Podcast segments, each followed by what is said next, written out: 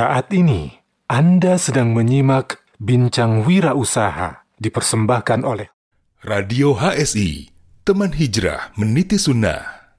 Bismillahirrahmanirrahim. Alhamdulillah Rabbil Alamin.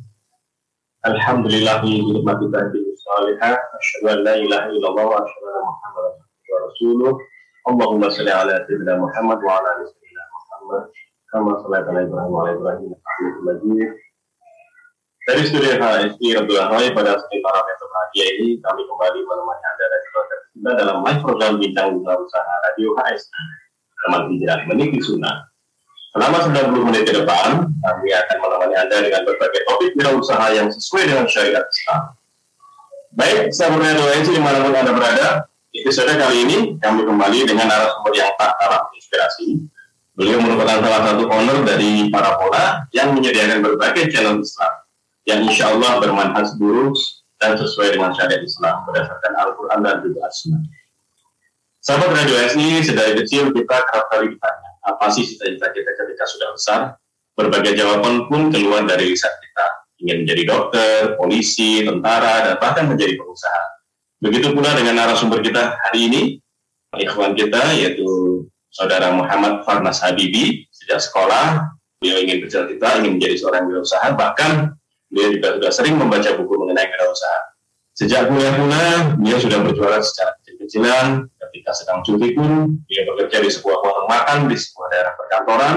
Dan saat itu, uh, beliau melihat peluang berjualan di warung makan tersebut dan meminta izin kepada pembelinya untuk menumpang berjualan asongan. Dan alhamdulillah, usahanya saya itu berjalan dengan lancar. Kemudian beliau dengan teman-temannya mengikuti program pemerintah yang pertama program mahasiswa wirausaha dengan konsep usaha yang diajukan budidaya ini sangkur yang berbasis teknologi sederhana dan saat itu juga mereka mendapatkan modal yang lumayan besar akan tetapi usaha tersebut mengalami kegagalan. Namun tidak habis ide, mereka pun memulai usaha yang lainnya yaitu sekolah pelakor akan tetapi Allah gagal juga. Namun perjalanan usaha tidak hanya sebatas itu, beliau pun membuka kontraktor pameran sendiri dari Alhamdulillah dengan baik dengan omset yang cukup besar dan didapatkan tiap bulannya. Alhamdulillah sampai saat ini usaha tersebut tetap berjalan dan pada akhirnya beliau melepas kepemilikannya di usaha tersebut. Pertemuannya dengan salah satu ustadz merupakan titik awal dalam membangun usahanya saat ini dengan mengambil alih salah satu usaha yang tidak produktif. Beliau pun merombak habis-habiskan berbagai konsep usaha sebelumnya. Dan atas izin Allah, sejak bulan pertama penjualan meningkat drastis sekitar 400 persen dan terus meningkat hingga saat ini yang bernama Islamic Channel. Nah, menarik kan, uh, sahabat Radio SI sangat menarik perjalanannya bagaimana perjalanan beliau dan kita langsung saja mungkin bisa langsung mengulik dan juga mengambil ikut dari perjalanan beliau. Mari kita simak dari penjelasan beliau secara langsung. Saudara kita Muhammad Farnas Habibi. Assalamualaikum warahmatullahi wabarakatuh. Mas Aras. Mas Muhammad Farnas Habibi. Waalaikumsalam warahmatullahi wabarakatuh. Alhamdulillah. Bagaimana kabar? Hai Pak. Antum. Alhamdulillah baik. Alhamdulillah. Ini Anda panggil Mas Muhammad, Mas Faras atau Mas Habibi enaknya nih? Habibi boleh. Masya Allah, Tabarakallah, Mas Habibi ya. Hmm. ya. Sekarang tinggal di mana Mas? Kalau boleh tahu. Alhamdulillah sekarang Anda tinggal di daerah Cilangkap, Jakarta Timur. Masya Allah, Masya Allah. Hmm. Ya, berarti udah ke ya berarti ya. Ya, betul. Nah, nah, Jakarta pinggiran. Iya, iya, iya, tapi dingin dan iya. banyak pohon. Ya. Iya, nah, nah, kegiatan sehari ini apa, Mas? Kalau boleh tahu. Ya, saat ini saya mengelola ini ya, mengelola Islamic Channel Parabola untuk saat ini dan ya aktivitas lain ya mungkin bantu-bantu juga di Yayasan uh, Sahabat Sunnah. Oh, nah, nah, nah. Uh, dan juga ya. mungkin ya itu aja sih kalau saat ini. Nah, nah, nah, nah, nah tadi saya panjang lebar udah jelasin mengenai perjalanan secara ringkas ya, Mas hmm. Habibi. Tapi mungkin sebelum kita menggali lebih dalam, ada beberapa pesan yang mau lewat supaya juga radio teman sahabat radio SI bisa nanti menyiapkan diri untuk mendengarkan penjelasan lebih lengkap. Baik, sahabat Radio SI, sebelum kita mulai lebih lanjut dengan Mas Habibi, kita simak dulu iklan berikut ini. Saat ini, Anda sedang menyimak Bincang Wira Usaha dipersembahkan oleh Radio HSI, teman hijrah meniti sunnah. A'udzu billahi minasy syaithanir rajim. Program Ramadan HSI Peduli 1442 Hijriah.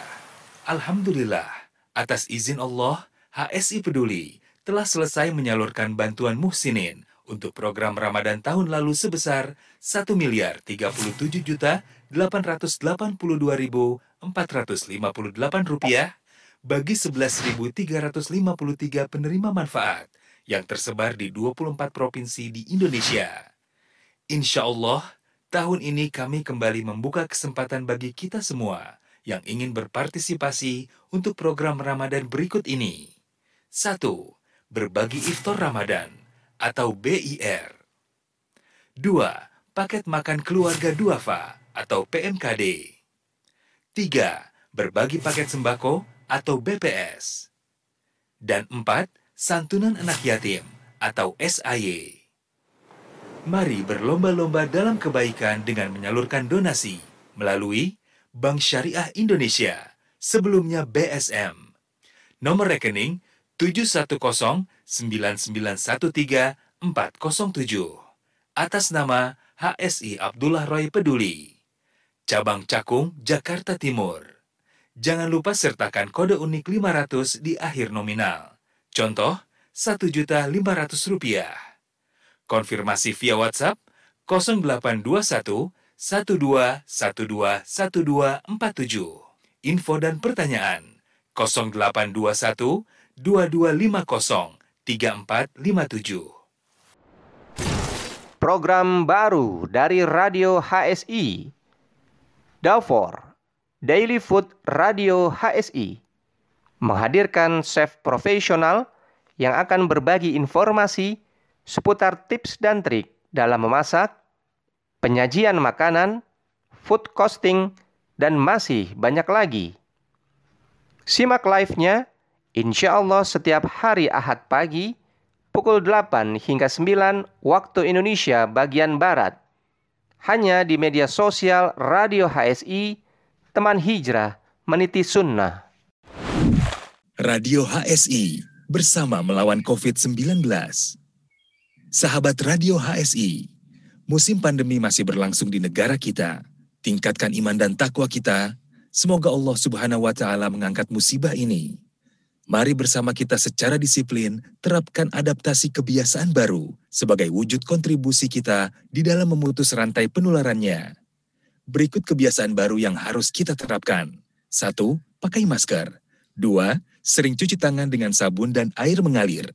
Tiga, Jaga jarak 1-2 meter. Empat, Perbanyak asupan gizi dan vitamin untuk tubuh kita. Lima, Hindari bepergian tanpa keperluan yang penting atau mendesak. Sahabat Radio HSI, mari bersama-sama kita hentikan penularan COVID-19. Radio HSI, teman hijrah meniti sunnah. Program baru dari Radio HSI yang siap menemani aktivitas pagi sahabat Radio HSI. Ngopi, ngobrol pagi bareng Radio HSI. Seputar info cuaca, tips kesehatan, lifestyle, program radio, info kajian Ustadz Abdullah Roy, dan lain-lain. Simak live-nya setiap hari Sabtu jam 6 hingga 7 pagi hanya di medsos Radio HSI. Teman Hijrah Meniti Sunnah. Saat ini, Anda sedang menyimak Bincang Wirausaha dipersembahkan oleh Radio HSI, Teman Hijrah Meniti Sunnah. Bismillah, baik sahabat Radio HSI, kembali lagi bersama saya, Benny, dan juga sahabat kita, Mas Habibi. Assalamualaikum Mas Habibi. Waalaikumsalam warahmatullahi wabarakatuh.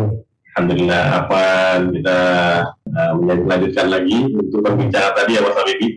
Nah, Mas Habibi, tadi tinggal di Cilacap, terus kegiatan sekarang masih di Parabola ya, terakhir. Hmm. Nah, sebelumnya kita mau ingin tahu juga nih, sebelumnya dulu pernah kuliah, uh, mungkin pengalaman kuliahnya di jurusan apa gitu, kok bisa perjalanannya cukup panjang tadi boleh diceritakan kuliah di jurusan apa mas apa program studinya apa gitu Ya, jadi Assalamualaikum warahmatullahi wabarakatuh. Waalaikumsalam. Ya, jadi saya dulu kuliah di jurusan MICE. Itu MICE itu Meeting Incentive Convention Exhibition. Nah, singkatnya itu uh, manajemen event. Ah, nah, Itu ya. ini termasuk baru ya kayaknya. Mungkin apa Ya, memang belum yang baru ya. Hmm, nggak begitu baru sih, tapi memang belum banyak belum familiar ya. Nah, nah, nah, belum semua orang tahu MICE ya, Ya. namanya ya. Singkatnya adalah manajemen event lah dan salah satu anak pilih jurusan itu adalah karena di situ ada eh, salah satu targetnya adalah untuk menciptakan wirausaha. Memang banyak diajarkan ilmu-ilmu yang alhamdulillah sampai sekarang masih pakai lah untuk dalam berwirausaha gitu. Gitu. Ya di antaranya misalnya manajemen pemasaran, manajemen SDM, manajemen resiko, keuangan dan lain-lainnya gitu. Nah, nah, masya Allah. Jadi itu nggak banyak familiar juga dengan MICE tadi. ya. Itu S1 eh, apa D4 atau D3 atau apa Mas? D4 diploma. Oh, diploma Iya, ya. karena dia politeknik gitu kan. Jadi tidak bisa ngadain program sarjana kalau politeknik dia hanya diploma 4 gitu. Nah, nah, nah. Itu apa yang dipelajari ya? Saya ngebayangin itu kan berarti mempelajari tentang event ya, sebuah event, manajemen, apa termasuk budgetingnya atau Iya. apa planning dari awal merencanakan sebuah event atau gimana? Iya, memang itu lebih ke event ya secara umum, tapi berbagai macam event karena event itu kan cakupannya luas ya. Nah di situ kita belajar dan Ah. memang yang dipelajari itu beragam program studi, dia ada program studi manajemen, marketing dan sebagainya. Gitu. Nah, menjadi komplit studi tentang bagaimana event itu mulai dari planning sampai eh, eksekusi sampai bahkan mungkin post event post event ini ya Pak, analisa dan sebagainya. Iya betul, Masya betul. Allah. Mulai dari ya mulai dari penggagasan sebuah event, perencanaan, terus eh, aktualisasinya, penyelenggaraannya, dan juga ya setelahnya. Kenapa ngambil itu ya? Maksudnya dari banyak jurusan orang umum kan biasanya saya mau ekonomi, manajemen gitu ya. Waktu SMA emang seperti apa pandangan terhadap kuliah atau memang sudah punya apa eh, ada micin tadi kenapa itu sesuatu yang unik yang diambil. Iya memang dari SMA itu saya pengen pengen sekali jadi wirausaha gitu ya. Dulu itu kita sering saya sering baca-baca buku wirausaha, terus juga sempat juga ikut eh, waktu SMA itu sempat ikut sekolah wirausaha muslim tuh tiap hari Ahad itu kita sana. Jadi memang udah passionnya di situ. Tadinya memang eh, sempet eh, nggak usah kuliah lah, udah wirausaha aja langsung gitu. Cuman ketika eh, disodorkan jurusan ini kok kayaknya menarik gitu karena di situ kita belajar sebuah program studi yang bisa jadi usaha gitu. Nah. iya seperti itu yang bisa jadi usaha dan ternyata emang alhamdulillah banyak ilmu-ilmu yang diajarkan di situ yang bermanfaat untuk ketika saya menjalankan wirausaha di kemudian hari. Nah, nah, itu menarik ya. Jadi gelarnya itu apa mas kalau kalau boleh tahu kalau di situ ah, ininya kalau mice itu seperti. SST, Sarjana Sains Terapan. Wah mantap, sains terapan, mantap mantap mantap. Karena ada sainsnya juga ya cara ngitung apa gitu. Ya memang Mm-mm. Itu ada ya, merupakan satu jurusan yang kayaknya memang langsung diterapkan bisa eh, langsung kita apa namanya pada saat lulus kita tahu bagaimana how to organize event gitu ya. Iya, langsung langsung diterapkan. Pastinya pastinya itu jurusan yang menarik gitu. Iya memang di saya kan masuknya di Politeknik itu ya Politeknik Negeri. Nah memang kalau Politeknik itu kan penekanannya dia 70% praktek, 30% teori gitu. Artinya Nah, ilmu yang bisa diterapkan langsung. nah, nah, nah. Jadi ketika eh, yang kita pelajari benar-benar alhamdulillah ilmu yang memang bisa kita terapkan langsung di luar. Jadi nggak eh, nggak terlalu banyak teori tapi yang kita susah terapkan gitu. Nah, nah. Gitu. Tapi gini mas, eh Afwan, mungkin bagi keumuman gitu ya, pada saat SMA tadi diceritakan sudah punya keinginan wirausaha. Mostly itu kalau SMA kalau nggak masuk tentara, KKB dulu ya, zaman dulu, Nah, atau sekarang mungkin jadi dokter gitu atau Hmm. atau SMA pengen jadi eh, apa ya namanya youtuber gitu kan mungkin sekarang ya anak gitu ya. Tapi eh, dan mungkin jadi pegawai lah. Iya. mostly gitu kalau kuliah juga kuliahnya ya. Tapi kenapa wirausaha? Apa yang membuat eh, pemikiran itu muncul gitu? Apa masa kecil atau ada satu momen ketika SMA atau SMP inginlah pokoknya berusaha gitu? Apa mas?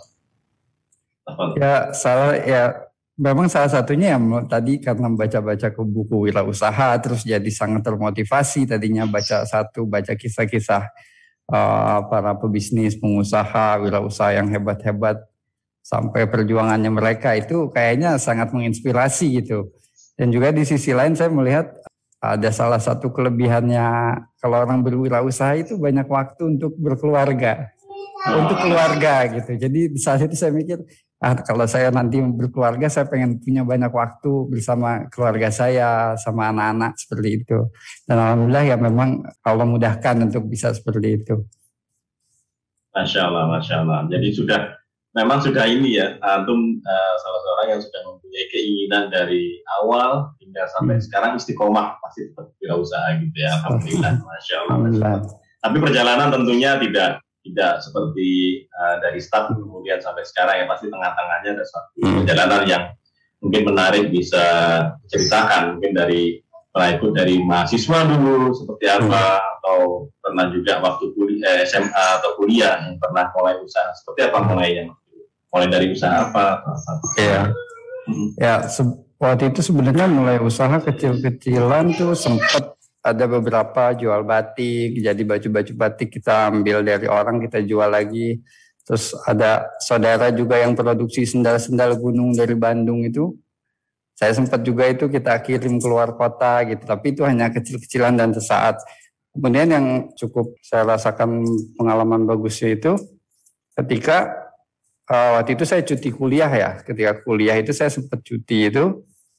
Nah selama cuti itu saya isi waktu itu untuk eh, bekerja waktu itu ya. Kerja kerja itu di rumah makan. Jadi rumah makan di eh, daerah perkantoran di Jakarta. Ya memang sebelumnya dari sebelum kuliah juga saya suka ikut-ikut catering bantu-bantu cuci piring atau melayani makanan. Nah ketika kuliah kebetulan alhamdulillah dapat lagi untuk pekerjaan waktu itu ketika saat cuti di rumah makan itu. Nah itu di- ya seperti pada umumnya lah di rumah makan kita bantu masak-masak atau cuci piring, ya, bersih-bersih dan lain-lain itu.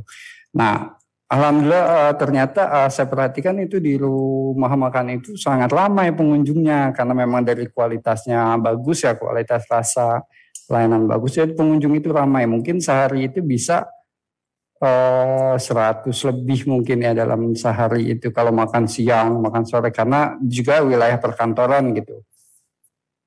Nah di situ saya lihat ramai pengunjungnya, saya lihat ini wah ini ada marketnya nih, ada pasarnya nih.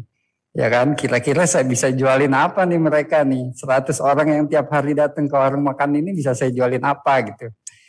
Saat itu saya, karena memang ya saya kepengen jualan walaupun hal yang kecil itu kita jangan anggap remeh kan ah, jualan kecil juga itu buat latihan kita berwirausaha gitu. Akhirnya itu saya perhatikan ke ketika selesai makan siang itu banyak orang yang tanya itu yang pertama adalah rokok. Waktu itu saya belum tahu ini hukumnya rokok itu haram gitu. Nah. Ah, banyak yang bertanya rokok setiap habis makan itu. Yang kedua, yang makan siang itu kan orang-orang perkantoran yang banyak mereka cari itu pulsa. Pulsa. Jadi di dekat situ memang waktu itu belum banyak, belum ada ya penjual pulsa. Akhirnya saya berbicara dengan pemilik warung, saya berizin, saya minta izin untuk jualan di situ. Jualan di warung makan itu Uh, artinya saya sudah tidak bantu sebagai pekerja lagi di situ, tapi saya numpang jualan. Tapi dengan timbal baliknya saya tetap membantu di warung makan itu tanpa digaji waktu itu. Pada awalnya seperti itu. Jadi saya minta izin untuk berjualan dengan timbal baliknya saya um, tetap membantu di situ tanpa digaji. Nah terus karena warung makan itu juga mereka sudah rumah makan itu ya mereka sudah cukup kerepotan melayani pembeli. Jadi untuk mengadakan produk-produk lain itu kayaknya sudah sudah nggak kepegang gitu. Jadi ketika saya mengajukan, alhamdulillah disetujui oleh pemilik eh, rumah makan ini gitu. Silahkan berjualan. Nah, alhamdulillah saya itu mulai berjualan itu pulsa dan rokok pada saat itu itu modal 500 ribu saya ingat itu modal 500 ribu dari hasil ya hasil kerja saya dulu. Dan alhamdulillah ternyata ya hasilnya bagus lah memuaskan gitu. Memuaskan bagus dan dalam jangka waktu sebulan atau dua bulan ya itu saya bisa beli motor pertama saya itu dulu Vespa bekas itu. Masya Allah. Beli Vespa Motor bekas. pertama. Motor pertama ya. Nah, nah, nah. Vespa itu motor Vespa bekas ya Vespa bajai bekas dulu hanya cuma 800 ribu dulu itu harganya saya beli gitu itu alhamdulillah dari berhasil jualan itu kemudian ketika saya perhatikan lagi ternyata ada peluang yang lain yaitu emping waktu itu mereka makan biasa cari habis makan kita suka makan pakai kerupuk emping gitu ya akhirnya udah saya bikin eh, saya beli ke pasar emping kita goreng masuk saya masuk masukin plastik ya taruh di situ dan alhamdulillah itu berjalan berapa lama sampai saya kuliah masuk kuliah lagi. Nah, ketika udah kuliah lagi udah nggak bisa lagi kan karena dengan kesibukan kuliah seperti itu. Nah, tapi menarik gini mas. Eh, tadi dikatakan cuti kuliah nyambinya adalah sebagai pegawai di restoran gitu ya kalau nggak salah. Ya, Tapi nggak digaji. Ini menarik hubungannya antara kuliahnya event organizer sama restoran apa ya? Apakah cari CV mengorganize restoran atau gimana? Karena anak kuliah itu kalau nggak nyari CV supaya pas lulus bisa dapat kerja, ya nyari uang sampingan gitu. Tapi ini uang kan nggak dapat ya karena nggak digaji. Apa gimana? Kenapa kok mau nggak digaji? Yang pertama sebenarnya digaji tadi awalnya Oh, digaji itu Oh, awalnya gitu. digaji dua, itu dua puluh ribu per hari itu saya ingat. Nah, itu dua puluh ribu per hari itu tahun 2007 atau 2008 ya. Nah, kenapa saya ke situ? Karena memang dari sejak SMA itu saya suka ikut bantu-bantu catering tadi saya bilang saya ikut-ikut bantu catering dan kebetulan ah, saudara punya catering seperti itu. Ikut bantu-bantu catering, melayani orang makan, cuci piring dan sebagainya. Makanya ketika keluar ada eh, kebetulan rumah makan itu masih ada hubungan saudara ya pemiliknya juga ya udah kita saya masuk bekerja di situ. Memang itu digaji dan ketika saya mulai jualan itu saya udah saya bantu-bantu aja nggak digaji tapi pada akhirnya dikasih juga sebenarnya uang makan sama pemiliknya itu seperti itu Oh, nah, nah. Jadi emang karena memang awalnya emang sudah catering gitu ya, nggak ada Iya. kuliahnya gitu ya. Nah, nggak nggak ada saya penasaran aja tadi, Ah. menarik kalau saya nggak digaji ya mau juga kalau kecuali kalau emang cari CV, tapi ya Hmm. nggak apa-apa lah. Tapi dari situ tentunya ada hubungannya dengan proses berikutnya ya. Saya tadi ceritakan, mungkin bisa diceritakan lagi setelah dari situ kan jualan pulsa Hmm. banyak tuh duitnya bisa beli Vespa.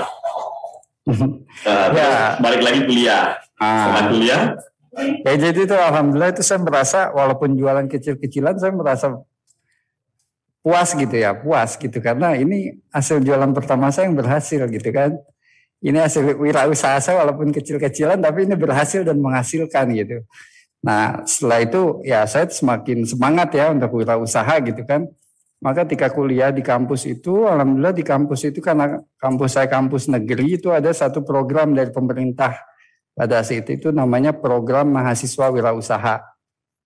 Nah, program mahasiswa wirausaha ini program jadi bagi mahasiswa yang memang ingin berwirausaha um, itu semacam kompetisi ya, semacam kompetisi jadi kompetisikan si- siapa saja yang mau buka usaha untuk mengajukan proposal lalu kita prosesnya cukup panjang itu dari uh, pengajuan proposal dan kita harus magang di tempat yang sesuai dengan konsep usaha kita uh, sampai penentuan siapa yang mendapatkan modal usaha gitu. Jadi mereka yang bisa lolos itu mendapatkan modal usaha dari pemerintah. Itu modal hibah dari pemerintah. Nah, ketika dapat info itu wah, saya sangat bersemangat sekali. Masya Allah ini peluang yang sangat bagus gitu kan. Ketika saya memang dia sejak dulu pingin punya wira, pingin berwirausaha terus ada peluang bagus di depan mata kan. Uh, Oke saya tangkap itu. Lalu saya mengajak teman-teman ya teman-teman kuliah pada saat itu untuk ayo kita sama-sama kita mulai wirausaha gitu. Sama-sama kita akhirnya saya uh, membentuk tim itu lima orang waktu itu bersama teman-teman membentuk tim. Kita membuat konsep usaha itu judulnya ini juga nggak nyambung sama jurusan kuliah sebenarnya. Yaitu budidaya lele sangkuriang berbasis teknologi sederhana gitu. Nah itu kita waktu itu uh, ikut di situ dan mengikuti proses sampai kita magang di magang di tempat memang peternakan lele gitu kan. Memang salah satu persyaratannya. Dan alhamdulillah dengan izin Allah Allah mudahkan itu Allah mudahkan kita bisa dapat dana usaha. Kita lolos lah jadi salah satu pemenangnya. Dan uh, dibanding kelompok lain tuh kelompok kita paling besar dapat dana saat itu. Itu totalnya 35 juta kita dapat modal. Di saat itu saat kita masih mahasiswa itu tahun 2000 2008 2009 nah saya kurang ingat. Jumlah segitu cukup besar buat kami ya untuk memulai suatu usaha. Dan ini ya alhamdulillah dengan modal itu kita memulai usaha lele sangkuriang itu seperti itu. Nah ini berarti budidayanya ya budidaya lelenya sih. Iya, nah. itu nah, jadi pem, itu waktu itu pembesaran lele sangkuriang ya. Jadi budidaya itu lebih kepada pembesaran. Nah, setelah dapat itu dapat modal kita jalankan mulai dari persiapan dan sebagainya kita jalankan. Uh, Kodarullah singkat cerita usaha itu gagal gitu. Walaupun ya dari segi panen ada sisi ada keberhasilan di panen, tapi banyak banyak kekurangan-kurangan Eh, singkat cerita adalah gagal usaha itu. Sehingga modal yang kami waktu itu modal masih ada sih masih tersisa. Modal sudah keluar banyak tapi hasil yang kami dapat itu jadi antara income dan outcome itu lebih besar pengeluarannya daripada pemasukannya pada saat itu sehingga kami merugi. Nah, nah itu kalau teori perikanan berarti paling besar itu kan pakan ya biasanya ya. Nah, betul sekali ya itu yang karena kita ya memang saya banyak dapat pelajaran dari situ ya itu salah satunya adalah waktu itu ikan lele itu kan yang memang rakus sekali pakan ya kita kasih makan berapa aja sebanyak apa pun dia akan dimakan terus dan salah satunya itu yang waktu itu kita kita kurang kontrol itu masalah pakan. Dan juga masalah ya banyak ya masalah penyortiran gitu penyortiran lele. Jadi kalau lele itu kan uh, dia ada sifat kanibal ya sifat kanibal. Artinya lele ketika dari kecil mungkin ukurannya sama tapi ketika sudah semakin membesar pertumbuhan tiap lele itu beda-beda. Sama kayak kita manusia gitu anak kecil kan beda-beda pertumbuhannya lele juga gitu beda-beda pertumbuhannya sehingga dia pertumbuhannya itu ada yang lebih cepat besar ada yang lambat perkembangannya nah lele itu ketika per, udah ukurannya beda itu itu harus segera disortir kan segera disortir. Kalau nggak disortir nanti dia yang besar akan makan yang kecil. Itu yang pertama. Atau ketika kita sebar tebar makanan itu kita tebar makanan yang kecil kalah saing.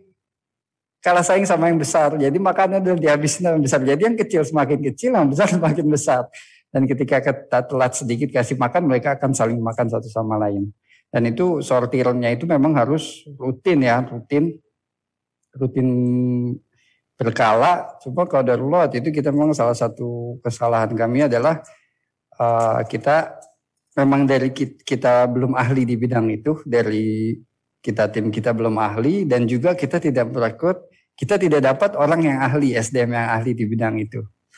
Sehingga di situlah ada yang mengakibatkan ya salah satu faktor yang mengakibatkan kerugian kita itu. Nah, nah, nah. itu berarti uh, dapat dana hibah untuk proyek dan proyeknya kemudian gagal karena kan tadi mungkin perhitungan dan sebagainya tadi ya tadi sebutkan. Hmm. Nah setelah itu apa yang dilakukan sama sama teman-teman? Akhirnya ingin punya ide yang lain atau tetap menekuni di bidang perlelean, cuma dengan cara yang berbeda atau bagaimana? Ya, jadi lele itu sempat kita ya sempat down juga ya, sempat down apalagi itu masa-masa kita kuliah gitu kan. Dan Eh, kita menjalankan usaha itu kan cukup berat juga ketika karena kita masih sambil kuliah dengan tugas-tugas uh, yang banyak dan juga juga uh, itu semester tujuh semester enam atau semester tujuh lah ketika itu lalu kita menyempatkan waktu dan benar-benar kita me menjalani itu uh, sangat total sebenarnya total ya pada saat itu. Sampai kita panen nyemplung ke kolam sendiri kita bawa ke pasar kita tawarkan ke orang-orang pasar gitu. Itu saya itu kita hujan-hujanan bawa lele hasil panen kita tawarkan ke orang-orang pasar seperti itu. Sempat down lah gitu sempat down ketika belum berhasil. Nah itu sempat kita vakum berapa saat, sempat vakum sampai suatu ketika alhamdulillah ya eh, saya dapat ide untuk usaha yang lain gitu. Usahanya waktu itu adalah sekoteng belangkon. Nah sekoteng belangkon itu konsepnya adalah saya waktu itu mengangkat makanan-makanan tradisional yang kita kita sajikan dengan sajikan dengan penyajian yang baik dan juga ada eh, makanan tradisional yang masih orisinil dan juga makanan tradisional yang sudah kita modif. Itu yang utamanya itu menu utamanya itu sekoteng belangkon itu jadi saya mau modif sekoteng kita campurkan dengan wedang ronde dan juga kita kasih tambah-tambah seperti taburan keju. Terus ronde itu ada yang kita isi dengan uh, coklat melted gitu. Ronde kan biasa kalau di, uh, umumnya ronde itu isinya kacang gitu ya. Ya pak pada intinya ketika itu saya punya ide usaha itu lalu saya menawarkan uh, berembuk dengan teman-teman ya berembuk teman-teman. Karena itu uh, bagaimanapun itu usaha kita milik kita bersama usaha bersama gitu kan. Apa yang modal kita dapat kita harus pertanggungjawabkan bersama. Nah kita rembuk untuk pada teman-teman lalu dan saya rembuk dengan teman-teman lalu ke menyampaikan kepada pembimbing usaha. Jadi waktu itu program itu ada pembimbingnya. Dan disetujui bahwa kita beralih usaha menjadi usaha sekoteng belangkon. Seperti itu.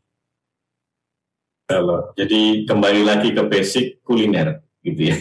jadi tadi kan emang awalnya juga di ini ya seneng apa di dunia per cateringan gitu ya. Akhirnya kembali lagi ke makanan gitu. Tapi eh, menarik, eh, sekoteng belangkon tadi ada topping, jadi memodernisasi sekoteng gitu ya, supaya kekinian ya. gitu ya. Iya, tentunya tentunya itu pasarnya bagus dong waktu itu. Jadi mengalami kemajuan, terus uh, bagaimana progresnya itu setelah memulai itu dengan persetujuan pembimbing, jadi laku atau sukses atau seperti apa perjalanannya? Ya, lalu saat itu saya bersama teman-teman kita uh, mulailah uh, mulai mempersiapkan itu ya sekoteng belangkon saya cari itu sekoteng ronde yang paling enak saya cari. Dan alhamdulillah ternyata dekat tempat saya ada sekoteng ronde yang sangat enak waktu itu. Dia pakai gerobak keliling aja tapi enak dan sampai sekarang itu saya belum dapat itu yang bisa saya enak itu. Sekoteng rondenya. Ya mungkin ya ada yang lebih enak tapi saya belum dapat gitu. Nah itu enak sekali Masya Allah. Dan pelanggannya sudah banyak. Waktu itu saya datangin uh, si penjual itu uh, saya juga inspirasi nama Blankon ya karena uh, panggilannya dia Mas Blankon gitu. Mas Blankon gitu. Mas Blankon, ya kita buka aja Mas kafe tenda di Depok. Di Margonda, di Jalan Margonda, di sana ramai banyak mahasiswa ya kan dan uh, daerah ramai kita buka. Saya coba pendekatan ternyata uh, Mas Blankon ini nggak mau. Nggak mau, saya nggak mau. Akhirnya saya bilang, ya udah Mas, Mas ajarin saya, saya bayar resepnya mas saya bayar berapa? Gitu. Akhirnya setelah ngobrol-ngobrol karena memang saya uh, setelah ngobrol-ngobrol pendekatan ya beliau mau ngajarin. Ya kita saya belajar sama dia kita bayar waktu itu berapa ya? Kalau nggak salah 500 ribu ya kalau nggak salah. Kita tulis resepnya latihan sampai bisa. Bahkan saya, dia sampai ngasih garansi. Kalau lupa atau apa ada yang kurang hubungi saya. Nanti saya ini lagi balik lagi ajarin nah itu sampai dan mulai dari situ itu itu yang jadi menu utamanya pada saat itu ya. Kemudian kita tambahin menu-menu lain itu ada kayak pecel sayur, pecel sayur, terus tempe mendoan ya khas Jawa gitu. Alhamdulillah kita dapat tempat di pinggir Jalan Raya Margonda itu uh, kurang lebih 6 kali 8 ya. Pinggir Jalan Raya Margonda itu kita buka pakai tenda. Buka pakai tenda. Nah, kita buka pakai tenda, dan juga uh, pegawainya semua kita pakaiin baju lurik, pakai belangkon semua.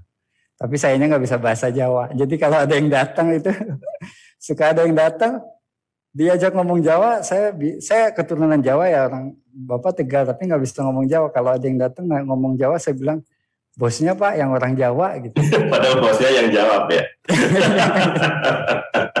nah, nah, nah, gitu. Nah terus ya itu juga alhamdulillah dari sisi market itu alhamdulillah responnya sangat bagus, bagus ya. Jadi rata-rata saya perhatikan orang yang datang pertama nyoba pasti balik lagi. Ada yang sampai seminggu tiga kali empat kali balik lagi. Ketika datang pertama dia sendiri, kedua dia bawa temennya, ketiga bawa semakin ramai dia datang bawa teman-temannya diajak. Sampai itu ada beberapa mahasiswa dulu mau ngeliput mahasiswa dari kampus itu ya, kampus uh, Depok ada yang mau meliput, mau bikin liputan, mungkin entah untuk YouTube, entah apa saya belum tahu karena dulu belum familiar dengan YouTube dan sebagainya. Nah, mau meliput dan juga berapa bahkan berapa konsumen itu datang Ketika mencoba, dia coba menunya rasanya apa? Langsung nanya, Mas, ini di franchisein gak mas? Gitu. Itu berapa orang sampai kayak gitu. Mas ini di franchisein gak mas? Saya mau buka tempat saya. Cuman saya jawab, waduh Pak kita baru ini, baru ngerintis. Nanti kalau memang sudah berhasil, insya Allah bisa Bapak hubungi saya atau saya hubungi Bapak baru kita buka franchise-nya seperti itu. Alhamdulillah dari sisi marketing itu kita berhasil. Eh, namun ada uh, sedikit kekurangannya. Jadi sebelumnya ketika di lele itu kita evaluasi. Setelah kegagalan kita evaluasi. Salah satu yang kita evaluasi pada saat itu, yang kita sadari pada saat itu adalah marketingnya. Walaupun ada faktor lain, tapi pada saat itu yang kita sadari paling utama marketingnya. Karena ngejual lelenya itu kita ketika udah panen, kita kejual ke pasar, orang nggak mungkin ambil banyak.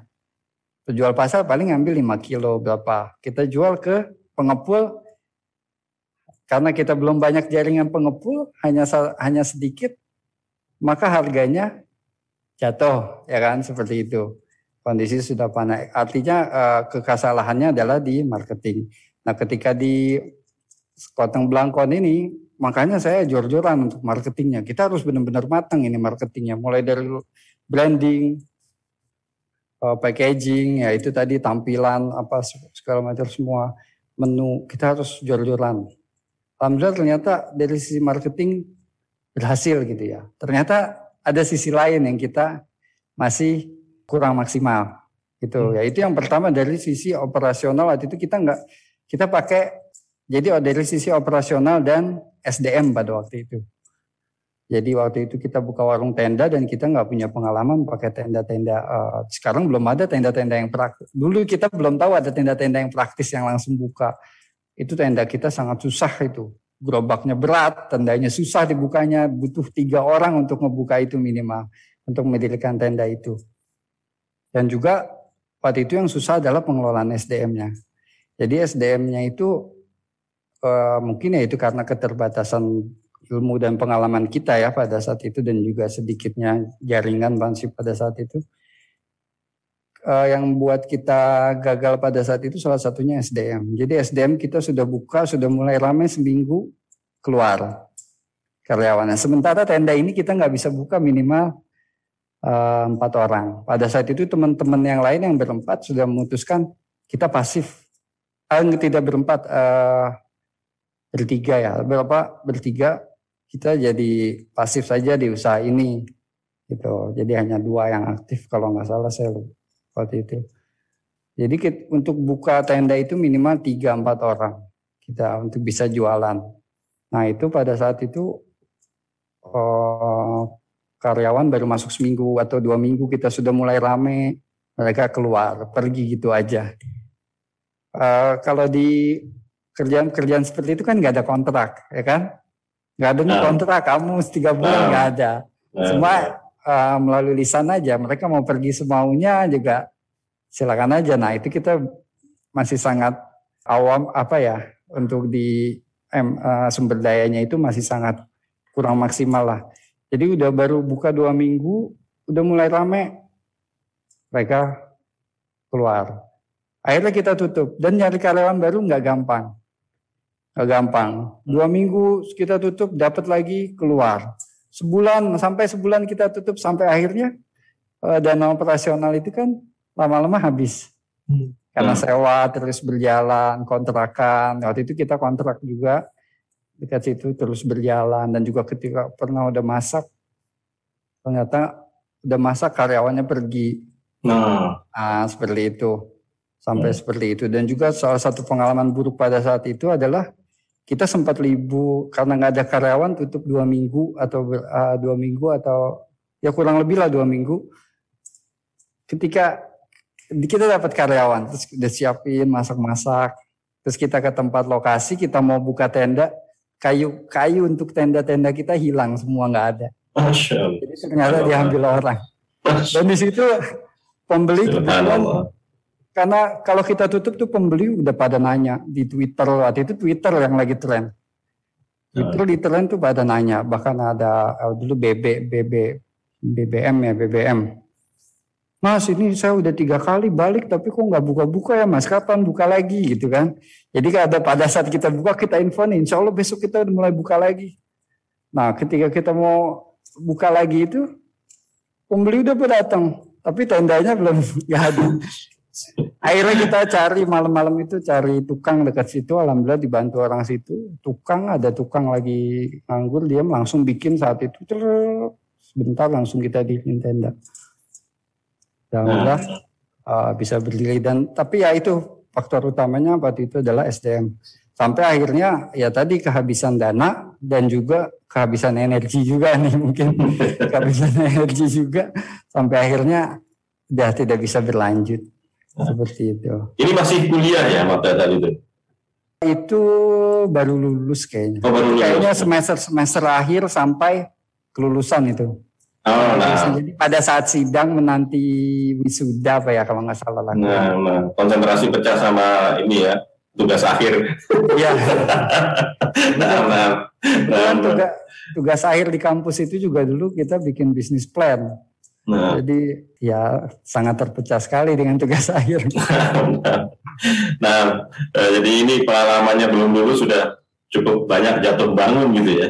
Tapi pada akhirnya setelah itu artinya itu kan proyek dari awal yang tadi dana hibah 35 juta itu dari lele menjadi ini ya, menjadi Ya. ya, apa?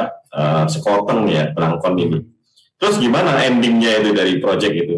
Artinya Endingnya uangnya itu habis, kita laporan, kita laporan bahwa ini kerugiannya dan semua laporan kita ada, keuangannya ke mana aja, foto-foto, semua dokumentasi lengkap. Itu kita laporan, udah kita tutup itu. Dan itu salah satu yang beban buat saya eh, pada saat itu adalah ketika yang sangat membadi saya adalah ketika kita mulai itu saya ngajak ngomporin teman-teman gitu. Ngajak ayo kita wirausaha, ayo kita wirausaha. Yang paling semangat sampai mereka mau gitu semangat wirausaha. Hmm. Jadi di- saya ngerasa aduh saya ngajak mereka tapi hasilnya seperti ini gitu. Tapi alhamdulillah teman-teman nggak ngerasa eh, dirugikan dan ya kita semua merasa dapat pengalaman yang berharga dari kegagalan itu walaupun ya sempat drop lah pastinya Ah. pada saat itu. Masya Allah. Jadi kuliah itu dapat dua ya Pak. Dapat dapat teori, dapat prakteknya. Karena kegagalan itu kan sebenarnya keberhasilan tertunda. Jadi prakteknya pun sebenarnya udah udah satu pelajaran sendiri gitu ya dari kegagalan-kegagalan tadi. Lalu setelah kuliah lulus, tadi ya lulus ya. Jadi lulus, proyek selesai dengan laporan. Terus apa yang dilakukan setelah itu, Mas? Eh, Ya, Ya, setelah itu setelah habis bangkrut ya habis gagal lah, habis gagal Hmm, terus hmm. lulus sudah terus saya menikah kebetulan sama uh, adik kelas itu saya menikah. Kemudian saya bekerja pada saat itu bekerja. Jadi memang saya seben- sebenarnya tidak tertarik untuk bekerja pada saat itu dari dulu ya saya mau usaha gitu, saya mau usaha. artinya menjadi sadar. karyawan ya? Bekerja menjadi Iya, karyawan. menjadi Oke. karyawan. Tapi ya, pada saat perjalanan kita sadar kita juga butuh ilmu, butuh usaha itu nggak cuma kita modal semangat ya, semangat usaha gitu, berani gagal gitu kan. Nah, Tapi kita juga butuh ilmu. Makanya terus kebetulan saya dapat tawaran pekerjaannya menarik gitu. oh Jadi iya. sewak- ah, ketika sejak kuliah kan kita juga semasa kuliah itu kita sudah sering terlibat di event-event, event nasional, event internasional, jadi pameran, seminar dan semacamnya ya dan sebagai event lainnya. Jadi sam- sampingan. Jadi kita kuliah itu udah sering dapat duit dari event-event gitu ya. Alhamdulillah gitu kan. Nah, ketika kalau di event tuh kayak saya paling seneng kalau event pameran tuh saya ngelihat stand-stand dibangun tuh stand-stand besar itu. Saya sangat seneng suka ngelihatnya. Wah hebat nih dalam berapa hari bisa bangun stand kayak gini gitu kan. Bahkan dengan harga dengan harga jual yang fantastis. Satu stand eh, mungkin empat kali enam, empat kali enam hanya dipakai dua tiga hari itu bisa dijual 100 sampai 200 juta misalnya. Masya Allah. Adanya tiga hari empat hari gitu kan. Artinya ini peluang yang sangat Peluang bagus. yang bagus. Nah, nah, Mas Habibi, Awan, ini menarik cerita tentang tadi event menjualnya, kemudian bagaimana marketingnya bisa menjual dengan ratusan juta ukuran kecil seperti itu ya.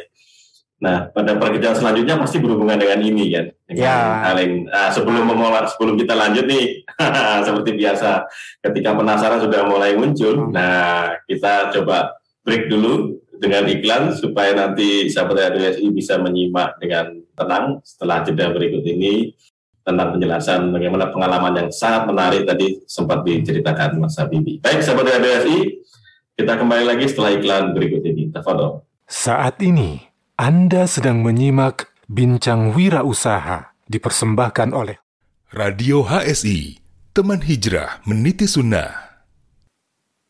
أعوذ بالله من الشيطان الرجيم Program Ramadan HSI Peduli 1442 Hijriah. Alhamdulillah, atas izin Allah, HSI Peduli telah selesai menyalurkan bantuan muhsinin untuk program Ramadan tahun lalu sebesar 1 miliar 37 juta 882.458 rupiah bagi 11.353 penerima manfaat yang tersebar di 24 provinsi di Indonesia. Insya Allah, tahun ini kami kembali membuka kesempatan bagi kita semua yang ingin berpartisipasi untuk program Ramadan berikut ini. 1. Berbagi Iftar Ramadan atau BIR. 2. Paket Makan Keluarga Duafa atau PMKD. 3. Berbagi paket sembako atau BPS.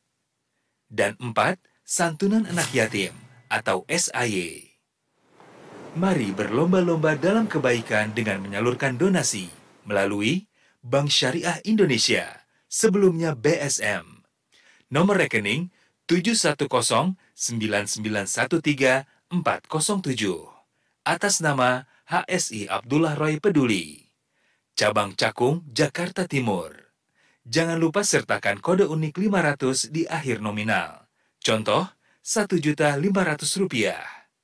Konfirmasi via WhatsApp 0821 1212 1247. Info dan pertanyaan 0821 2250 3457. Program baru dari Radio HSI. Davor, Daily Food Radio HSI, menghadirkan chef profesional yang akan berbagi informasi seputar tips dan trik dalam memasak, penyajian makanan, food costing, dan masih banyak lagi. Simak live-nya, insya Allah setiap hari Ahad pagi, pukul 8 hingga 9 waktu Indonesia bagian Barat. Hanya di media sosial Radio HSI, teman hijrah meniti sunnah. Radio HSI bersama melawan COVID-19. Sahabat Radio HSI, musim pandemi masih berlangsung di negara kita. Tingkatkan iman dan takwa kita. Semoga Allah Subhanahu wa taala mengangkat musibah ini. Mari bersama kita secara disiplin terapkan adaptasi kebiasaan baru sebagai wujud kontribusi kita di dalam memutus rantai penularannya. Berikut kebiasaan baru yang harus kita terapkan. Satu, pakai masker. Dua, sering cuci tangan dengan sabun dan air mengalir. Tiga, jaga jarak 1-2 meter. Empat, perbanyak asupan gizi dan vitamin untuk tubuh kita. Lima, hindari bepergian tanpa keperluan yang penting atau mendesak. Sahabat Radio HSI, mari bersama-sama kita hentikan penularan COVID-19. Radio HSI, teman hijrah meniti sunnah. Program baru dari Radio HSI yang siap menemani aktivitas pagi sahabat Radio HSI. Ngopi, ngobrol pagi bareng Radio HSI. Seputar info cuaca, tips kesehatan, lifestyle, program radio, info kajian Ustadz Abdullah Roy, dan lain-lain. Simak live-nya setiap hari Sabtu jam 6 hingga 7 pagi hanya di medsos Radio HSI. Teman hijrah meniti sunnah. Saat ini, Anda sedang menyimak Bincang Wirausaha dipersembahkan oleh Radio HSI, teman hijrah meniti sunnah. Baik, Bismillah, sahabat RBSI, kembali lagi bersama saya Benny dan Mas Habibi. Assalamualaikum Mas Habibi. Waalaikumsalam warahmatullahi wabarakatuh. Nah, sedikit uh, tadi mengenai pekerjaan tadi, boleh ceritakan Mas? Iya, jadi alhamdulillah pada saat itu dari salah satu teman yang kita buka usaha itu usaha lele dan sekotong belangkon itu masuk di salah satu perusahaan kontraktor pameran. Itu dan dia WA saya uh, bukan WA dulu BBM ya uh, menawarkan untuk ayo udah masuk sini ada lowongan nih masuk aja. Nah, akhirnya saya karena saya tertarik karena ya di situ wah ini menarik banget nih. Siapa tahu saya bisa buka kontraktor sendiri belajar dari sini gitu kan dan saya memang udah diniatkan pada saat itu ya harus saya harus belajar dan harus bisa lah insya Allah buka kontraktor sendiri. Akhirnya saya masuk ke situ saya ngelamar di situ alhamdulillah diterima dengan izin Allah. Dan karena memang niatnya dari awal pengen mempelajari apa yang di situ, saya perhatikan sampai detail-detail apa yang dikerjain sama dan memang posisi yang didapat itu proyek eksekutif itu dia bertanggung jawab terhadap setiap proyek-proyek pameran ya. Jadi banyak mengetahui hal secara global lah dalam proses produksi pemasarannya gitu ya. Hmm. Seperti itu. Artinya dengan posisi saat itu mungkin kan saya belajar banyak dari nah. kontraktor pameran itu. Nah, dan tentunya itu berhubungan dengan kuliahnya ya, sangat berhubungan ya. dengan kuliahnya gitu. Ya betul. Tapi apa yang menjadikan pada akhirnya mungkin kalau mungkin boleh di fast forward itu hmm. Apa yang menjadikan pada akhirnya pada ini udah cocok, udah oke okay, sesuai dengan kuliahnya. Pada akhirnya kan kita sesuai seperti yang saya mulai tadi, pada akhirnya ujungnya pindah ke parabola. Tapi kenapa dari situ udah enak terus kok pindah ke parabola? apa yang membuat itu uh, ah, iya, jadi, bergulir? Jadi setelah dari kontraktor itu, alhamdulillah saya keluar ya, keluar dari sana. Saya uh, waktu itu kerjasama dengan sebelumnya sebelum kita ke parabola ya. Mm-hmm. Saya kerjasama dengan, jadi saya dulu pernah magang ya di perusahaan IO pada saat itu. Dan saya kenal, saya jalin hubungan baik dengan pemiliknya. Nah, ketika saya mau resign itu saya datang ke tempat dia kita meeting Pak, ini saya punya planning untuk buka kontraktor pameran sendiri. Saya kemarin kerja di perusahaan ini, salah satu kontraktor pameran terbesar pada saat itu, dan insya Allah saya bisa dapat pasarnya seperti ini. Saya jelaskan ya, saya jelaskan prospeknya. Alhamdulillah ternyata pemiliknya itu sangat tertarik untuk bekerja sama. Jadi saat itu, dah kita buka kontraktor pameran jadi nggak hmm. pakai modal, pakai modal orang gitu. Oh, nah jadi tadi pengalaman di apa IO yang besar tadi ya. itu kan bekerja ya di yang besar ya, sebagai karyawan, gitu, tapi ya. sebagai karyawan kan. Ya. Nah ini jiwa udah usahanya muncul nih, tidak daripada jadi karyawan, mending saya yang menginisiasi sebuah ini ya, berarti sebuah usaha ya, lagi ya, berarti ya. masya Allah gimana oh, usahanya muncul gitu ya. Terus ya. selanjutnya gimana mas? Sampai ini menariknya ujungnya bisa parabola gitu dari event-event event terus parabola. Gimana ceritanya nih? Iya jadi itu kita berjalan ya alhamdulillah pak kontraktor pameran juga alhamdulillah bagus. Jadi sejak bulan pertama udah dapat penjualan 100 juta sampai alhamdulillah bagus lah berjalan lancar sampai teman saya yang dulu itu kerja sama di kita usaha bareng di Leles, Kotong Blangkon dan juga kerja bareng di kontraktor ayo kita gabung di sini akhirnya dia ikut bergabung di usaha itu usaha kontraktor pameran. Nah kemudian waktu itu saat itu saya baru-baru mulai hijrah tuh ceritanya baru mulai-mulai kenal ah, nah ngaji dan sebagainya gitu. Dan nah, saya pengen sekali gitu kan berada di lingkungan yang bagus lah gitulah yang mendukung hijrah saya gitu kan seperti itu. Kalau mengenalnya ketika manhaj sunnah itu dari mana kalau boleh sedikit cerita? Dari radio sih ya. Ah, radio. Ah, dan ah, dari radio dan juga memang orang tua sih awalnya orang tua dan sering style-stylein radio gitu. Terus lama-lama saya tertarik, terus akhirnya saya dengar itu ketika mulai berangkat ke kantor mau ke mana saya suka denger wah tertarik juga sampai cuma waktu itu masih ada kegalauan kegalauan ya saya itu minta sama Allah kasih petunjuk ya sampai mantap lah gitu nah, nah. alhamdulillah Allah kasih kemudahan gitu bisa mengenal sunnah gitu. Alhamdulillah. Nah itu saya ber, dipertemukan itu ketika baru belajar baru mulai belajar sunnah itu dipertemukan dengan salah seorang ustadz ya pemilik stasiun TV Islam gitu. Nah kita kita bertemu tanpa sengaja kita bertemu ngobrol-ngobrol tiba-tiba tercetuslah ide untuk yuk kita kerjasama bikin event organizer Islami. Oh, Gitu. Alhamdulillah, ya kemudian ya kita wujudkan kita start itu kita wujudkan event organizer Islami kita mulai.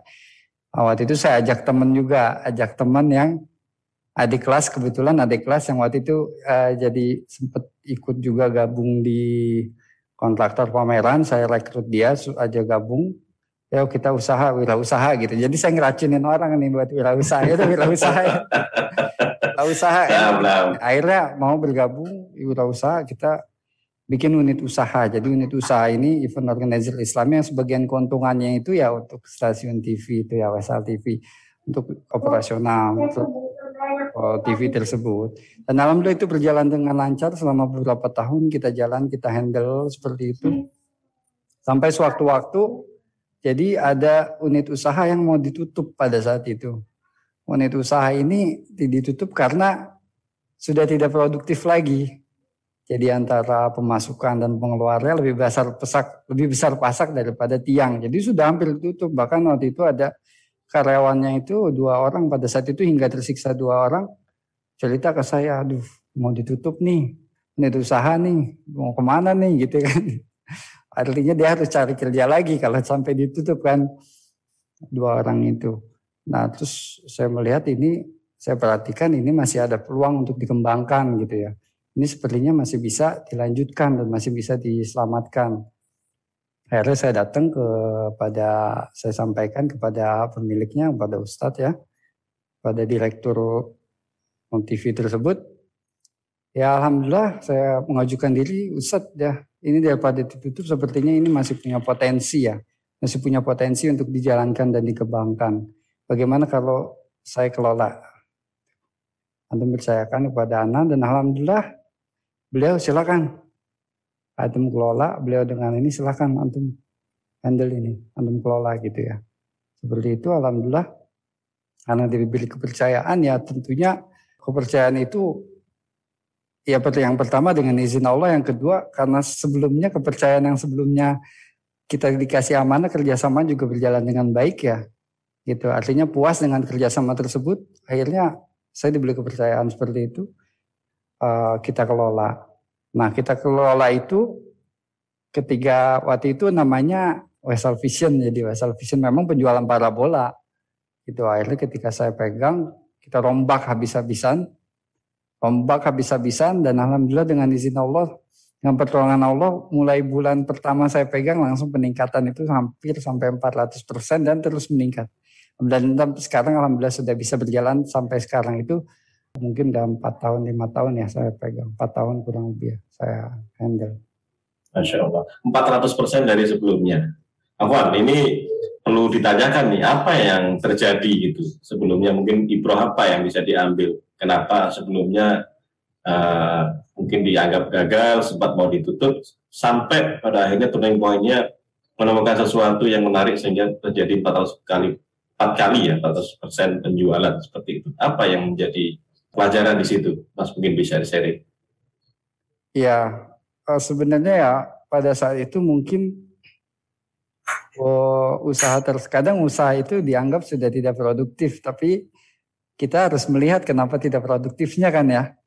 Harus dilihat penyakitnya gitu. Jadi ketika kita sakit ya kita sembuhkan penyakitnya, jangan di kalau tangan kita sakit kita sembuhkan penyakitnya, jangan kita potong tangan kita gitu kan ya. Maka cuman kita perhatikan, saya coba pelajari ya, ya pertama mungkin ya karena pertama karena pertolongan Allah, yang kedua juga ya berdasarkan pengalaman-pengalaman usaha kita sebelumnya gitu ya, itu sangat bermanfaat dari. Jadi pengalaman gagal itu justru pelajaran yang sangat bermanfaat buat usaha kita selanjutnya gitu. Karena tadi ketika dari mulai usaha lalu kegagalannya apa nih kita evaluasi dan terus-terus sampai akhirnya kemampuan wirausaha kita meningkat gitu. Maka ketika melihat parabola itu, wah ini sepertinya masih bisa disembuhkan penyakitnya. Kita lihat penyakitnya apa.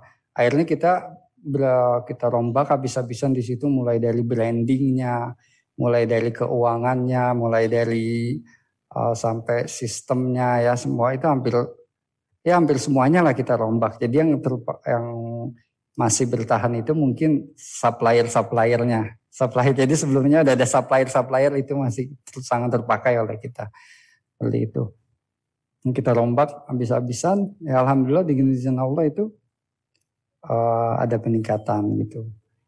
Seperti Boleh diceritakan yang paling penting berperan untuk bisa menjadikan itu mungkin ada sesuatu yang paling penting yang berperan untuk dirombak gitu ya tadi poin apa sih sebenarnya yang paling penting untuk dirombak pada saat sebuah usaha itu hmm. kalau itu ya mungkin beda-beda ya pada saat hmm. itu yang yang saya rombak yang utama itu ya marketingnya hmm. marketingnya marketing mulai dari branding jadi kadang usaha kita nganggap ah usaha kecil lah nggak usah di blending blending gitu kan hmm. tapi ya itu sebenarnya tidak kurang tepat gitu lah karena orang menganggapnya branding itu harus wah gitu. Ya branding harus sesuai dengan skala usahanya. Itu kan bisa walaupun sedikit. Itu kita mulai dari branding marketingnya yang pada saat itu saya perbaiki. Bagaimana kita menjual dan bisa melayani orang banyak. Uh, kita kenapa sih orang tidak mau uh, beli ini gitu ya? Kenapa tidak hmm. mau tidak mau tidak tertarik beli ini? Jadi ternyata waktu itu marketingnya dari sisi offline-nya sudah kurang maksimal dan juga online-nya belum main. Jadi oh. belum ada belum ada online. Nah, Jadi si offline tidak maksimal, online juga itu yang paling maksud saya signifikan ya. Terus dari brandingnya juga oh, kalau orang yang nggak paham apa sih Wesal Vision apa gitu. Akhirnya kita brandingin dengan nama Islamic Channel. Dengan namanya itu orang tahu, wah ini Islamic Channel ya, channel-channel nah, Islami. Nah. Kalau orang bertanya-tanya channel Islam ini apakah di YouTube, apakah di streaming, apa di TV kabel. Nah akhirnya mereka cari tahu sendiri kan ketika cari klik www.tvislam.id. Salah satunya branding itu jadi Islamic Channel. Ketika orang tahu nama Islamic Channel ya udah Islami gitu kan. Terus juga uh, yang sangat signifikan dari dari offline ke online. Dari offline ke online. Jadi pada saat dulu itu kita masih efektif jual pakai brosur di kajian, uh, acara-acara islami gitu. Tapi kesinian orang dapat brosur eh, ditaruh di mana, taruh di tas, dia kebuang ke tempat sampah. Masih bisa dibaca aja alhamdulillah itu. Apalagi disimpan gitu kan. Kebanyakannya entah ke mana gitu. Itu kita evaluasi ya ah, pada saat itu ya ternyata ini kita butuh main di online. Akhirnya kita mulai merambah di online itu mulai kita bikin websitenya, kita bikin website, kita main Facebook Ads, Instagram Ads dan itu hmm, dari anak sendiri pada saat itu uh, buta soal itu ya. Soal website Instagram ads Facebook ads itu enggak enggak masih buta masih awam soal itu. Tapi karena saya rasa di ini bisa dengan izin Allah bisa memperbaiki akhirnya ya kita belajar. Belajar bikin websitenya seperti apa terus mengelola Facebook ads-nya seperti apa yang bagus Instagram ads-nya seperti apa sampai akhirnya uh, brosur udah kita tinggalkan. Jadi yang dulunya budget brosur sebulan sekian ya lebih baik kita alihkan ke digital pada saat itu. Nah itu yang cukup sangat signifikan pada saat itu meningkatkan penjualan. Meningkatkan penjualan dan juga sistemnya. Satu lagi yang perlombakan itu dulu pelayanan parabola hanya di Jabodetabek. Sementara yang mau beli pesan itu banyak dari Jawa, dari Sumatera, dari Sulawesi, Bali, dari Kalimantan dari mana-mana banyak yang mau pasang. Berita alhamdulillah terus akhirnya kita uh, bekerja sama dengan teknisi-teknisi. Kita cari rekanan-rekanan teknisi di daerah untuk jadi rekanan Islamic Channel dan alhamdulillah sampai sekarang uh, kita bisa melayani di uh, berbagai daerah ya. Dari Aceh, uh, Sumatera ya, Pulau Jawa, Kalimantan, tapi Sulawesi Kalimantan uh, masih banyak yang belum bisa, Bali itu bisa seperti itu. Nah, masya Allah, lengkap ya, mulai dari branding, strategi marketing sampai networking. Ya, jadi, ya. jadi sama keuangannya lengkap. juga waktu itu keuangan juga kami rombak karena ternyata penghitungannya tidak merinci, jadi peruntungan keuangan keuntungan ruginya tidak oh. apa ya, ah, tidak tidak rinci ya. Jadi kita nggak bisa ngebaca gitu, kondisi keuangan divisi ini gimana. Jadi ter, tercampur dengan keuangan divisi lain, dengan unit usaha yang lain. Akhirnya ya udah kita rombak bikin pencatatan pembukuan yang benar.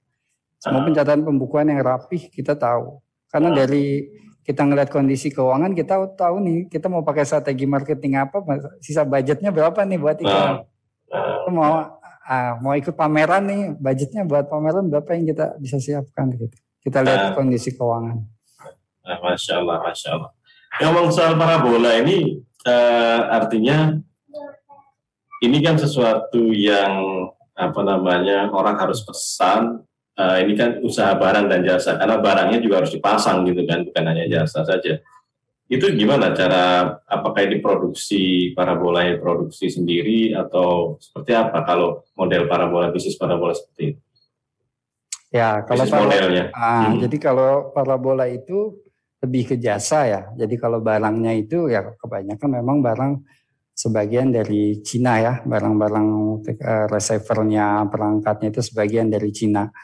Jadi kita ngambil barang dari supplier, nah kita adalah lebih ke jasa, jasa pemasangan, instalasi dan juga setup parabola itu ya. Karena utama adalah yang kita tekankan di sini bukan parabolanya, tapi manfaat yang bisa mereka dapat dari masang parabola ini. Karena parabola parabola di mana-mana banyak gitu kan. Nah, Parabola, tapi yang seperti apa yang bisa bermanfaat kan. Jadi yang kita angkat adalah manfaatnya, manfaat parabola TV Islamic Channel ini untuk keluarga muslim apa sih manfaatnya gitu. Ya. Ini muncul di layar tadi sebentar ada beberapa ini ya eh, link channel dari parabola yang dipasang di Islamic Channel. Itu ada berapa banyak mas yang eh, Uh, channel-channel ditawarkan? Ya alhamdulillah ini saat ini alhamdulillah ya perkembangan TV Islam ini di Indonesia sangat pesat ya. Dulu kita awal jualan itu hanya 10 berapa dan itu udah sama TV luar. Sekarang ada 22. 22, 20-nya itu TV lokal. Yang duanya dari Live Mekah, Live Madinah. Dan itu semua channel Islam yang insya Allah bagus ya. Lurus insya Allah manhajnya bagus dan bisa untuk referensi kita belajar belajar Islam ya. Apalagi kondisi pandemi saat ini gitu ya belajar apa kajian-kajian masih banyak yang diliburkan, dibatasi gitu ya kan. Ya solusinya memang salah satunya ya menghadirkan eh, kajian di rumah melalui ya TV Islam ini. Nah, nah, ini juga kan kalau saya lihat di beberapa tempat juga ada yang menawarkan hal yang sama ya. Dalam Hmm. artian memasangkan channel-channel yang Islami juga. Diferensiasi seperti apa yang ingin disampaikan kepada apa namanya market oleh TV channel Islami ini. Dibanding dengan mungkin eh, rekan-rekan yang lain juga berusaha untuk melakukan hal yang sama. gitu. Yang pertama sih kita tidak melihat rekan-rekan juga sebagai ya kita berpesaing ya betul pesaing. Tapi kita tidak melihat mereka se- yang pesaing yang harus kita kalahkan gitu. Enggak kita sama-sama semua. Bahkan dengan rekan-rekan juga kita se- masih jalin komunikasi gitu kita sering sharing-sharing seperti itu kan sharing-sharing karena ya saya yakin ya masing-masing ada jatah rezekinya masing-masing gitu kan. Tapi tentunya untuk kita perlu ikhtiar ya salah satunya diferensiasi itu. Diferensiasinya adalah kita salah satunya kita menampilkan bahwa layanan kita adalah layanan yang profesional gitu. Kita mulai dari eh, yang pertama dari kemasannya mungkin ya kemasan bisa dilihat dari website tadi www.tvislam.id orang bisa lihat bisa tahu tentang kita dari mana dari website dari sosial media yang ada di belakang nih ya. Di, oh, di sini. Ada tvislam.id Instagram Facebook YouTube seperti itu. Kita informasi kita eh, kita maksimalkan di situ dan juga pelayanannya bahkan di website kita itu eh, ada eh, live chat ya. Live chat itu kita sampai bagi tiga live chat yang pertama itu untuk orang yang mau pesen yang kedua orang yang servis yang ketiga pengaduan jadi kalau pengaduan itu langsung ke Ana. Jadi kalau ini servisnya lama nih, pasangnya lama, langsung aja japri itu ke Ana. gitu ya. Seperti itu. Nah juga karena kita juga melihat banyak keluhan dari eh, kita menanggap apa sih keluhannya apa yang dibutuhkan oleh hmm, para penonton pemirsa TV Islam ini ya keluhan yang sering mereka alami. Salah satunya adalah di bermasalah servis. Gitu ya, servis tadi parabola itu parabola sih sebenarnya kita sekali beli bisa untuk bertahun-tahun jangka panjang. Tapi terkadang kan di rumah, misalnya di rumah kita eh, ada pohon, terus dia terkena ranting pohon, artinya parabolanya posisinya ada berubah misal kena angin apa kejatuhan ranting pohon itu pernah ada kejatuhan ranting pohon posisi pa- parabola bergeser atau misalnya ada perubahan dari satelit. Misalnya ada dulu oh, tahun dua tahun kemarin ya satelit Palapa sudah tidak beroperasi dia pindah ke satelit Telkom. Artinya itu butuh layanan after sales ya. Karena mereka nggak bisa setting sendiri gitu kan. Mereka nggak bisa setting sendiri dan nggak semudah itu cari di YouTube kita belum tentu bisa mempraktekannya harus teknisi yang memang sudah ahli di bidang itu buat mengerjakannya. Maka itu yang kita usahakan buat optim, optimalisasi optimalkan after salesnya. Karena banyak keluhan dari konsumen itu pasangnya di pokoknya di orang lain ya. Kita nggak tahu siapa nggak uh, beberapa ada yang seperti itu. Pasang tempat lain tapi ketika mau servis susah dihubungi. Atau misalnya lama responnya seperti itu. Tapi ini sebagian ya nggak semua pemain parabola gitu banyak yang bagus juga. Uh, ada sebagian seperti itu. Nah itu kita usahakan layanan after sales layanan after sales service layanan pernah jualnya. Jadi walaupun belinya sama orang tapi memang butuh service ya kita bantu gitu. Masya Allah. Jadi ini malah unit unit usaha yang baru ya, tidak captive market hanya yang sudah masang punya kita, tapi malah kalau memang ada orang yang apa namanya yang bukan memesan ke kita tapi bisa mau ingin diperbaiki channelnya bisa bisa dilayani juga ya oleh uh, yang perusahaan ini. Ya, Nah, walaupun tapi core kita sebenarnya penjualannya ya, penjualannya, nah, service nah. itu ya ya bentuk layanan layanan kita lah gitu kan. Nah, Karena mm, seperti itu. karena ada ceruk peluang mengenai orang yang tadi mungkin after sales service-nya masih perlu perhatian juga. Iya. Pada akhirnya mungkin bisa juga menularkan apa uh, mouth to mouth marketingnya ya. jadi bicara tentang ini servisnya di sini bagus Iya. gitu ya. Iya betul. Masya Allah, Masya Allah. Yang Itu, ya, salah satu yang berusaha kita optimalkan gitu ya. Masya Allah, Masya Allah. Mantap. Ini kalau ada apa yang menjadi hal yang challenging kalau kita bilang dalam wirausaha itu nggak ada yang negatif dan semuanya positif ya. Jadi yang peluang apa yang challenging yang masih perlu diimprove dari parabola ini yang sedang dijalankan? Kalau untuk parabola nih alhamdulillah ya kita juga mengikuti kita berusaha melakukan inovasi-inovasi ya.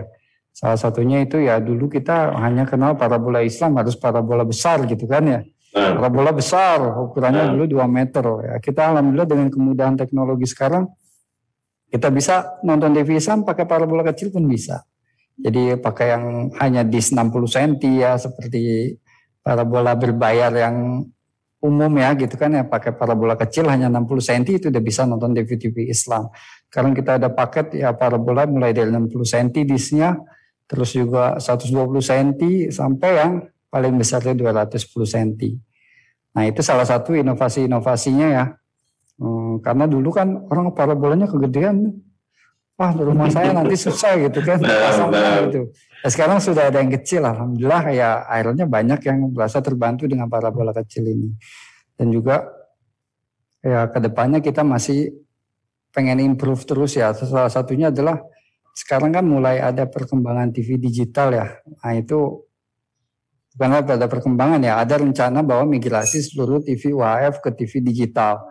Nah kita perlu mengikuti per- perkembangan itu ya. Seandainya nanti TV-TV Islam bisa tayang di TV-TV digital itu, masya Allah, itu manfaatnya akan semakin menyebar luas gitu. Mungkin itu yang uh, kita persiapkan dan juga era era internet ya sekarang ya seperti itu. Nah, nah, Masya Allah, Masya Allah. Nah, ini peluangnya sangat besar sekali ke depan ya, terutama dengan digitalisasi apa namanya media gitu ya, digitalisasi Iya. media yang sangat pesat ini. Nah, kemudahan orang untuk mengakses, kemudian ke apa namanya kita bilang eh, friendly user dari alat sendiri ya, jadi Iya. simple, kecil, tidak terlalu gede gitu, perlu perlu di apa namanya perlu dikembangkan gitu ya. Ya. Nah, dari sisi yang lain, mungkin dari produk, inovasinya seperti itu, peluang pasar seperti itu. Hmm. Nah, dari sisi mungkin pengelolaan dari manajemen internal, misalnya SDM-nya, kemudian bagaimana untuk berpartner, tadi dibicarakan berpartner dengan teknisi-teknisi di seluruh Indonesia. Itu gimana? Ada tantangan tersendiri nggak? Itu menarik. Nah ya itu juga Networking. Ah, ah. kita cari rekanan kita bertahap ya kita cari dikit-dikit itu rekanan di luar kota. Kita sih pengennya rekanan kita tuh semua yang udah ihwah, yang udah udah ngaji gitu rekanan. Tapi kenyataannya kan banyak daerah yang belum gitu kan. Nah, di sini sebenarnya ada juga peluang nih buat teman-teman ihwah gitu yang mau buka di daerah. Misalnya buka di daerah ya menjadi rekanan kita. Jadi nanti mereka buka di daerah. Kalau memang mau belajar ya silahkan datang ke kantor nanti kita Gini loh cara pemasangannya nanti. Jadi kita uh, membangun jaringan ya. Jadi jaringan kalau antum misalnya daerah, walaupun antum di daerah, tapi antum bisa mengeluar, menjual parabola di untuk di daerah-daerah lain. Tinggal antum kontak ke kita gitu kan. Nanti kita hubungkan dengan rekanan yang lain. Nah, nah, nah, sahabat radiasi yang mungkin menyaksikan atau apa namanya mendengarkan siaran ini, ya tentunya ada peluang untuk juga bisa bekerjasama dengan uh, Mas Habibi tadi ya hmm. di daerah-daerah mana mas yang masih belum terlayani dengan optimal gitu ada itu peluang. yang masih banyak itu yang Kalimantan Sulawesi itu ya banyak permintaan tapi Allah masih belum banyak ya ininya teknisinya gitu nah, nah, nah. Ah, nah itu uh, untuk yang sebenarnya buat teknisi itulah kayaknya masih ada peluang di situ dan selain jadi teknisi antum bisa di sana sambil menjualkan di daerah itu itu dan menjualkan untuk parabola di daerah lain. Ya, tentunya kerjasama itu saling menguntungkan ya Mas, dari yang teknisi dan juga dari visual vision ya namanya tadi ya. Iya, ya, ya. Uh, sekarang Islamic, Islamic sorry, Islamic, Islamic channel. Islamic channel. Nah. Nah, bahkan itu kadang namanya kita usahakan kadang ada naik turun, ada naik turun. Kadang kalau lagi sepi itu teknisi daerah WA WA WA kita Pak ini lagi lagi gak ada nih pemesanan nih lagi kosong gitu kalau gitu nah, sampai kita jadi ya semangat buat kita ayo pak ini kita membantu orang apa kita bareng-bareng gitu kalau kita sepi mereka juga sepi gitu kan jadi nah. harus jadi salah satu penyemangat lah gitu nah, masya Allah uh, perjalanan cukup panjang ya kalau kita tadi mengulas satu persatu perjalanannya Mas Ibrahim sendiri secara pribadi hmm. dari mulai kuliah sebelum lulus pun sudah jatuh bangun gitu ya. Hmm. Kemudian sampai di pada akhirnya mengembangkan kalau saya bilang seperti apa namanya dunia yang memang sedang lagi tren sekarang antara rekan-rekan alhamdulillah banyak yang hijrah dan juga ingin menikmati tayangan yang cukup berkualitas bermanfaat yang lurus gitu ya. Nah sebenarnya uh, dari semua perjalanan itu pernah nggak Mas Ibrahim sendiri itu merenungi bahwa wirausaha itu harusnya seperti apa sih? Saya yakin itu dirasakan oleh Mas Ibrahim mungkin susah untuk mengungkapkan dengan kata-kata. Tapi kalau boleh saya minta diungkapkan dengan beberapa kata, wirausaha itu sendiri orang harus seperti apa? Atau bagaimana menggambarkan wirausaha? Apakah itu cocok untuk sahabat radio SI yang memang ini nih saya nih gitu perjalanannya? Seperti apa wirausaha itu? Ya kalau ini se, se, se, sedikit ya dari pengalaman saya, ya wirausaha itu memang tidak mudah ya. Kalau ada yang bilang wirausaha mudah itu ya uh, kurang tepat lah ya. Jadi wirausaha itu memang tidak mudah, tapi ya makanya kita harus ketika ingin berwirausaha ya kita harus menyiapkan diri kita dengan resiko-resiko yang ada, resiko-resiko yang ada seperti itu. Ya tadi dia salah satu di antaranya resiko gagal, resiko bangkrut ya seperti itu. Uh, dan juga resiko, ya banyak ya resikonya misalnya terlilit hutang, kadang sebagian kan wirausaha terlilit hutang. Uh, tapi resiko resiko itu bisa diminimalisir sebenarnya. Bisa diminimalisir dengan apa? Dengan uh, perencanaan yang matang itu perencanaan yang matang. Jadi yang kita alami waktu itu, yang saya alami pada saat kegagalan saya itu ya memang perencanaannya kurang matang pada saat itu. Pada saat itu kita, tapi pada saat itu kita menilai itu udah bagus gitu. Tapi ketika kita sudah menjalani dengan seiring berjalan waktu, oh memang perencanaan saya waktu itu salah gitu. Pun pada saat itu, pada saat menjalani itu kita udah beli nilai ini bagus perencanaannya. Tapi ya itu memang karena kita belum berilmu di situ kan, belum ada pengalaman gitu. Makanya seiring ketika ada terjadi kegagalan, ya kalau mau jadi wirausaha, ya harus siap gitu kan, harus siap. Gagal bukan berarti kita nyari pengen gagal, enggak. Kita tetap usaha minimalisir resiko terus gagal tapi ketika terjadi kegagalan kita harus siap. Dan kegagalan itu justru yang saya rasakan adalah dari situ yang paling saya banyak mengambil pelajaran gitu. Karena ketika di kampus kita belajar manajemen keuangan manajemen pemasaran apa ketika menjalankan kita udah tahu ilmu teorinya itu kan begini-begini. Tapi kita menjalankan beda bedanya apa ya? Tapi ketika kita sudah gagal karena hal itu oh gitu. Jadi kita oh iya ini dia salahnya. Saya udah tahu saya harusnya gini gini gini gitu kan. Maksudnya saya pernah belajar ini gini tapi ya dari kegagalan itu yang paling uh, pelajaran yang paling kita banyak kita dapat dari kegagalan itu. Tapi ada syaratnya. Yang pertama ketika gagal kita nggak nggak don nggak udahan ya. Kalau kita udahan berhenti itu kegagalan yang sesungguhnya gitu kan. Kalau tapi kalau kita terus lanjut berusaha berarti kegagalan itu bukan kegagalan tapi memang belum berhasil. Mungkin berhasilannya nanti gitu kan. Terus dari kegagalan itu kita evaluasi. Evaluasi jangan karena kegagalan itu terus kita ah udahlah gitu. Terus kita menyalahkan menyalahkan pihak lain, menyalahkan pihak luar. Bisa jadi oh itu tempatnya apa? Oh itu di sana banyak ini orang iseng atau apa ya gitu. Jadi jangan, menyal, jangan menyalahkan pihak lain atau ya karena SDM-nya kemarin karyawannya nggak benar. Ya bukan karyawannya memang ya itu salah satunya kita belum bisa mengelola SDM gitu kan pada saat itu nah, misalnya. Nah. Jadi jangan menyalahkan pihak jangan menyalahkan pihak lain justru yang kita evaluasi adalah diri kita. Kenapa sih saya gagal? Kita evaluasi secara mendalam. Nah dari evaluasi itu ya kita harus rinci rinci. Bisa ditulis, yang lebih baik adalah ditulis. Dari itu kita rinci dan bagaimana memperbaikinya. Perbaikinya di usaha kita yang lain di selanjutnya. Atau mungkin kita tetap menjalankan usaha itu tapi kegagalan-kegagalan itu kita perbaiki. Seperti itu. Nah, dari situ kan kita banyak belajar dan orang usaha itu ya harus harus pengen terus belajar terus. Nah. Jangan karena udah stabil terus selesai. Diam. karena karena sebenarnya market itu berkembang kalau kita nggak berkembang ikuti market iya. ya kita akan akan left behind ya jadi ya dunia usaha nah.